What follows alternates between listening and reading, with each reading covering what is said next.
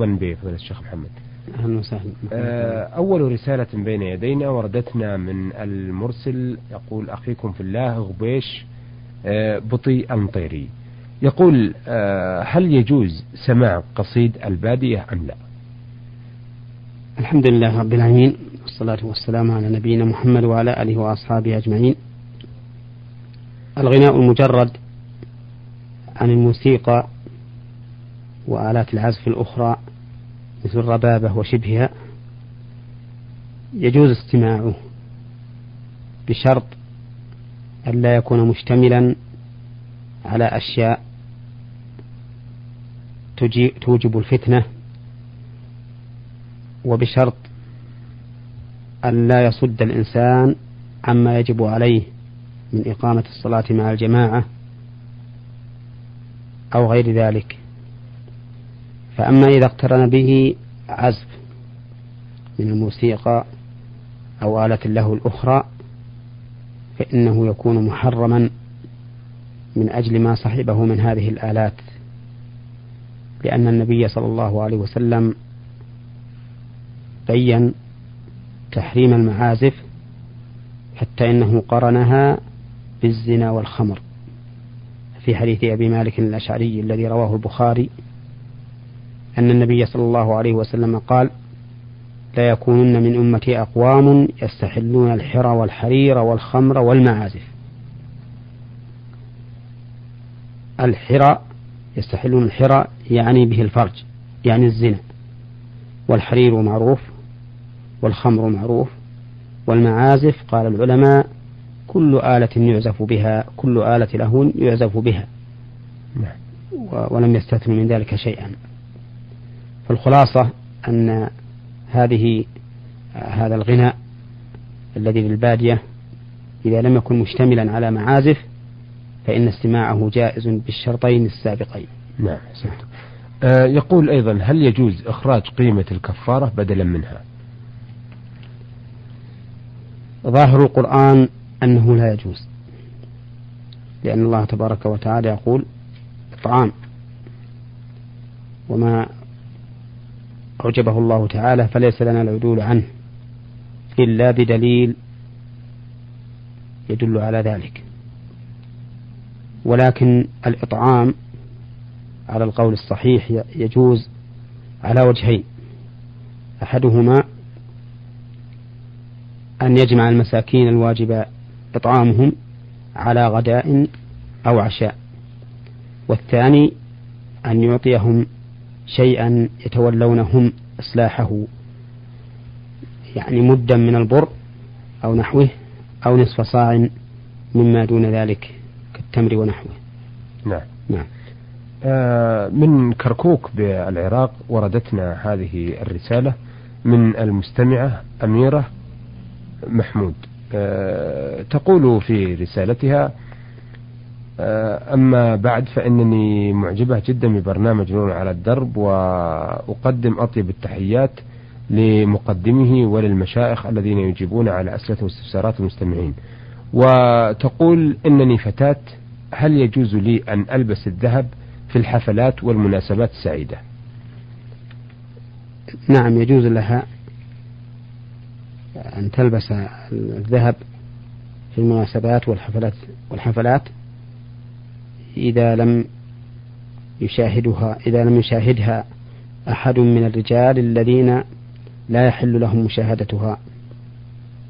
يعني بأن لم يكن عندها إلا نساء أو رجال من محارمها. نعم. آه، أيضا تقول ما الكتاب الذي يحمل أحاديث كثيرة وتنصحوني به أو بامتلاكه؟ الكتب في ذلك. مختلفة متنوعة وكل منها يبحث في موضوع معين ولكن من خير ما نعلم لها ولأمثالها رياض الصالحين الذي ألفه النووي رحمه الله. آه عن زيارة القبور آه وردتنا هذه الرسالة من عواد أحمد بكر من كركوك بالعراق أيضا. يقول أبعث بأجمل التحيات إلى برنامج نور على الدرب وأتمنى من آه، خالق الكون إنجاح والتوفيق للبرنامج. إنني أتساءل في زيارة المقابر ويقولون إن قراءة سورة ألهاكم التكاثر آه، عند دخول المقبرة يؤجر آه، قارئها. وهل البكاء في المقبرة حرام أم لا؟ زيارة القبور مستحبة للرجال لكن المقصود بها هو الاتعاظ والتذكر. تذكر الإنسان مآله كما قال النبي صلى الله عليه وسلم زوروا القبور فإنها تذكركم الآخرة. وكذلك يقصد منها الدعاء للأموات كما كان رسول الله صلى الله عليه وسلم إذا خرج إلى المقبرة سلم عليهم ودعا لهم. وأما قراءة ألهاكم التكاثر عند دخول المقابر فلا أعلم فيها سنة فلا يسن للزائر قراءتها لأن ذلك لم يرد عن النبي صلى الله عليه وسلم. وأما البكاء في المقبرة فلا بأس به إذا لم يصل إلى حد النياحة نعم. أو الندب. ولكننا ننصح من علم من نفسه أنه إذا ذهب إلى المقبرة تذكر قريبه أو صديقه ثم جعل يبكي لأن ذلك مما يجدد الأحزان. والشيء الذي يجدد الأحزان لا ينبغي للإنسان أن يتذكره بل يبتعد عنه حتى ينسى هذه المصيبة ويشتغل بمصالح دينه ودنياه. عن التحول من مسجد إلى مسجد وترك المسجد الأول بعث بهذه الرسالة الأخ فلاح عبد الله محمد الجنوبي من بيشة. يقول آه بعد التحية آه لدي مشكلة وهي أنني عمرت مسجدا في طرف بلادي ولدي جماعة تبعد بيوتهم عن المسجد المشار إليه 500 متر ولا يصلون معي بحجة أن المسجد بعيد عنهم. ويرغبون مني مشاركتهم في عمارة مسجد آخر ويكون قريب منهم وأكون أيضا إماما لهم. فما هو رأيكم في المسجد الذي سبق وأن عمرته من مدة خمسة عشر سنة؟ هل يجوز لي هجره أنا وأولادي أو هدمه أو أبقيه؟ أفتونا جزاكم الله خيرا والسلام عليكم. إذا كان المسجد الذي عمرت عمرته لهؤلاء ولكنه صار بعيدا عليهم ويرغبون أن تنقله إلى مكان يكون أقرب إليهم. وليس ثمة أحد محتاج إلى المسجد الأول فإنه لا بأس أن تنقله إلى المسجد الذي يرغبونه ويكون المسجد الأول ملكا لك تتصرف فيه كما شئت. نعم. لأن الصحيح نقل جواز نقل المسجد من مكانه إلى مكان آخر لمصلحة المصلين. نعم. كما أنك ذكرت في السؤال أنهم لا يتمكنون من من الحضور إليه وعلى هذا فسيبقى المسجد مهجورا لا يصلي فيه أحد إذا لم يكن أناس آخرون يصلون به.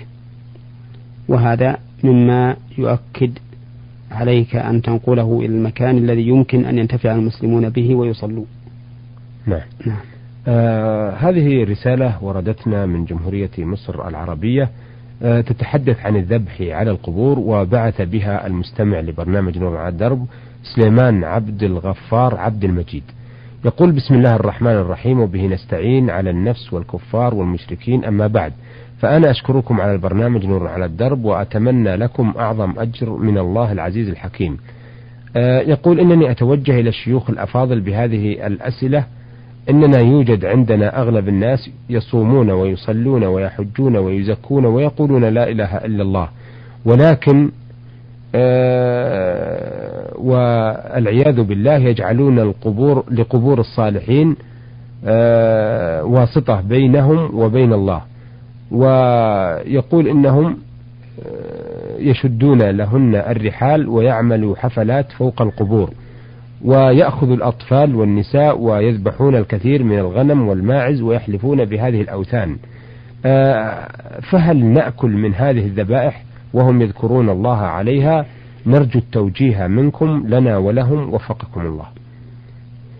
هذه الذبائح إذا كان المقصود بها التقرب إلى هؤلاء الأموات فإنها مما ذبح لغير الله فلا تحل لا يحل أكلها ولو ذكروا اسم الله عليها لأنها داخلة في قوله تعالى وما ذبح على النصب فحرام عليكم أن تأكلوا منها شيئا. أما بالنسبة لهم فإنهم بذلك العمل بل إن عملهم هذا إشراك بالله عز وجل لأن التقرب بالذبح من خصائص من خصائص الله سبحانه وتعالى. أي من الأمور المختصة به لا يجوز صرفها لغيره لأنها من العبادة. كما قال الله تعالى قل إن صلاتي ونسكي ومحياي ومماتي لله رب العالمين لا شريك له وبذلك أمرت وأنا أول وأنا أول المسلمين. وعلى هذا فيجب على العلماء أن ينصحوا أولئك الجهال. نعم. وأن يبينوا لهم أن هذا من الشرك بالله وأن الشرك بالله لا لا يقبل الله معه عملا لأن الله تعالى لا يغفر أن يشرك به ويغفر ما دون ذلك لمن يشاء. ولا يجوز للعلماء العالمين بأحوال هؤلاء العالمين بأحكام ما يصنع ما يفعلونه لا يجوز لهم السكوت لأن السكوت في مثل هذه الحال إقرار لهم على هذا الشرك. نعم. والعامة متعلقون بالعلماء والعلماء مسؤولون عنهم وهم أعني العلماء ورثة الأنبياء في العلم والعمل والدعوة إلى الله عز وجل. وسيسألهم الله عز وجل يوم القيامة عما علموا وإذ أخذ الله ميثاق الذين أوتوا الكتاب لتبيننه للناس ولا تكتمونه. فنبذوه وراء ظهورهم واشتروا به ثمنا قليلا فبئس ما يشترون. فالحاصل أنه إذا كان الأمر كما وصف السائل شائعا كثيرا بين الناس فما ذلك إلا لتقصير أهل العلم في بيان الحق وإلا فلو أن أهل العلم بينوا للعامة حكم صنيعهم هذا لكان العامة أقرب شيء إلى الامتثال والانقياد. ونسأل الله تعالى لنا ولهم التوفيق وأن يعيننا على أداء ما حملنا بمنه وكرمه. آه، أيضا آه، عن التوبة وما في بابها آه، بعث بهذه الرسالة الزميلان من أم لج من سلاح الحدود سليمان سعد الحويطي. وجزع عبد الله أو جزع عبد العزيز البلوي. يقول يقولان ما هي المحرمات التي لا تقبل التوبة منهما أو منها؟ منها. نعم. كل المحرمات وأعظمها الشرك تقبل التوبة منها. إن الله لا يغفر أن يشرك به ويغفر ما, ما دون ذلك لمن يشاء. وقال في في آية التائبين قل يا عبادي الذين أسرفوا على أنفسهم لا تقنطوا من رحمة الله إن الله يغفر الذنوب جميعا. وفي الحديث القدسي أن الله تبارك وتعالى يقول إنكم يا عبادي إنكم تخطئون بالليل والنهار وأنا أغفر الذنوب جميعا فاستغفروني أغفر لكم. ولكن الحقوق المتعلقة بمظالم العباد لا تتم التوبة فيها إلا بأداء الحق إلى أهله. فمن ظلم شخصا بنفس أو مال أو عرض ثم تاب إلى الله من ذلك فإنه لا بد أن يؤدي إلى صاحب الحق حقه إما باستحلاله أو معاوضته عنه أو بالاستغفار له إذا كان الحق غير مالي. فإنه يستغفر له والله تبارك وتعالى يثيب هذا المستغفر على توبته إذا صحت نيته. نعم. نعم. آه، أيضا سؤالهما الثاني يقولان فيه إذا أقام المسافر في بلد ثلاثة أيام وهو ناو مواصلة السفر هل يجوز له الجمع أم لا؟ يجوز له في هذه الحال أن يقصر الصلاة وأن يجمع لكن القصر أفضل من الإتمام.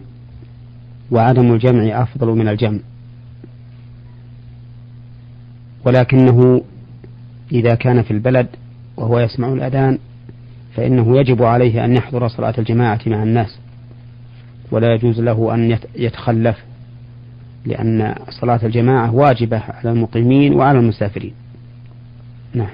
آه هذه رسالة وردتنا من المرسلة فريال محمد. من ضواحي مكة المكرمة تقول أفيدكم بأني أرى بعض الناس آه يفرشون الديباج وتحت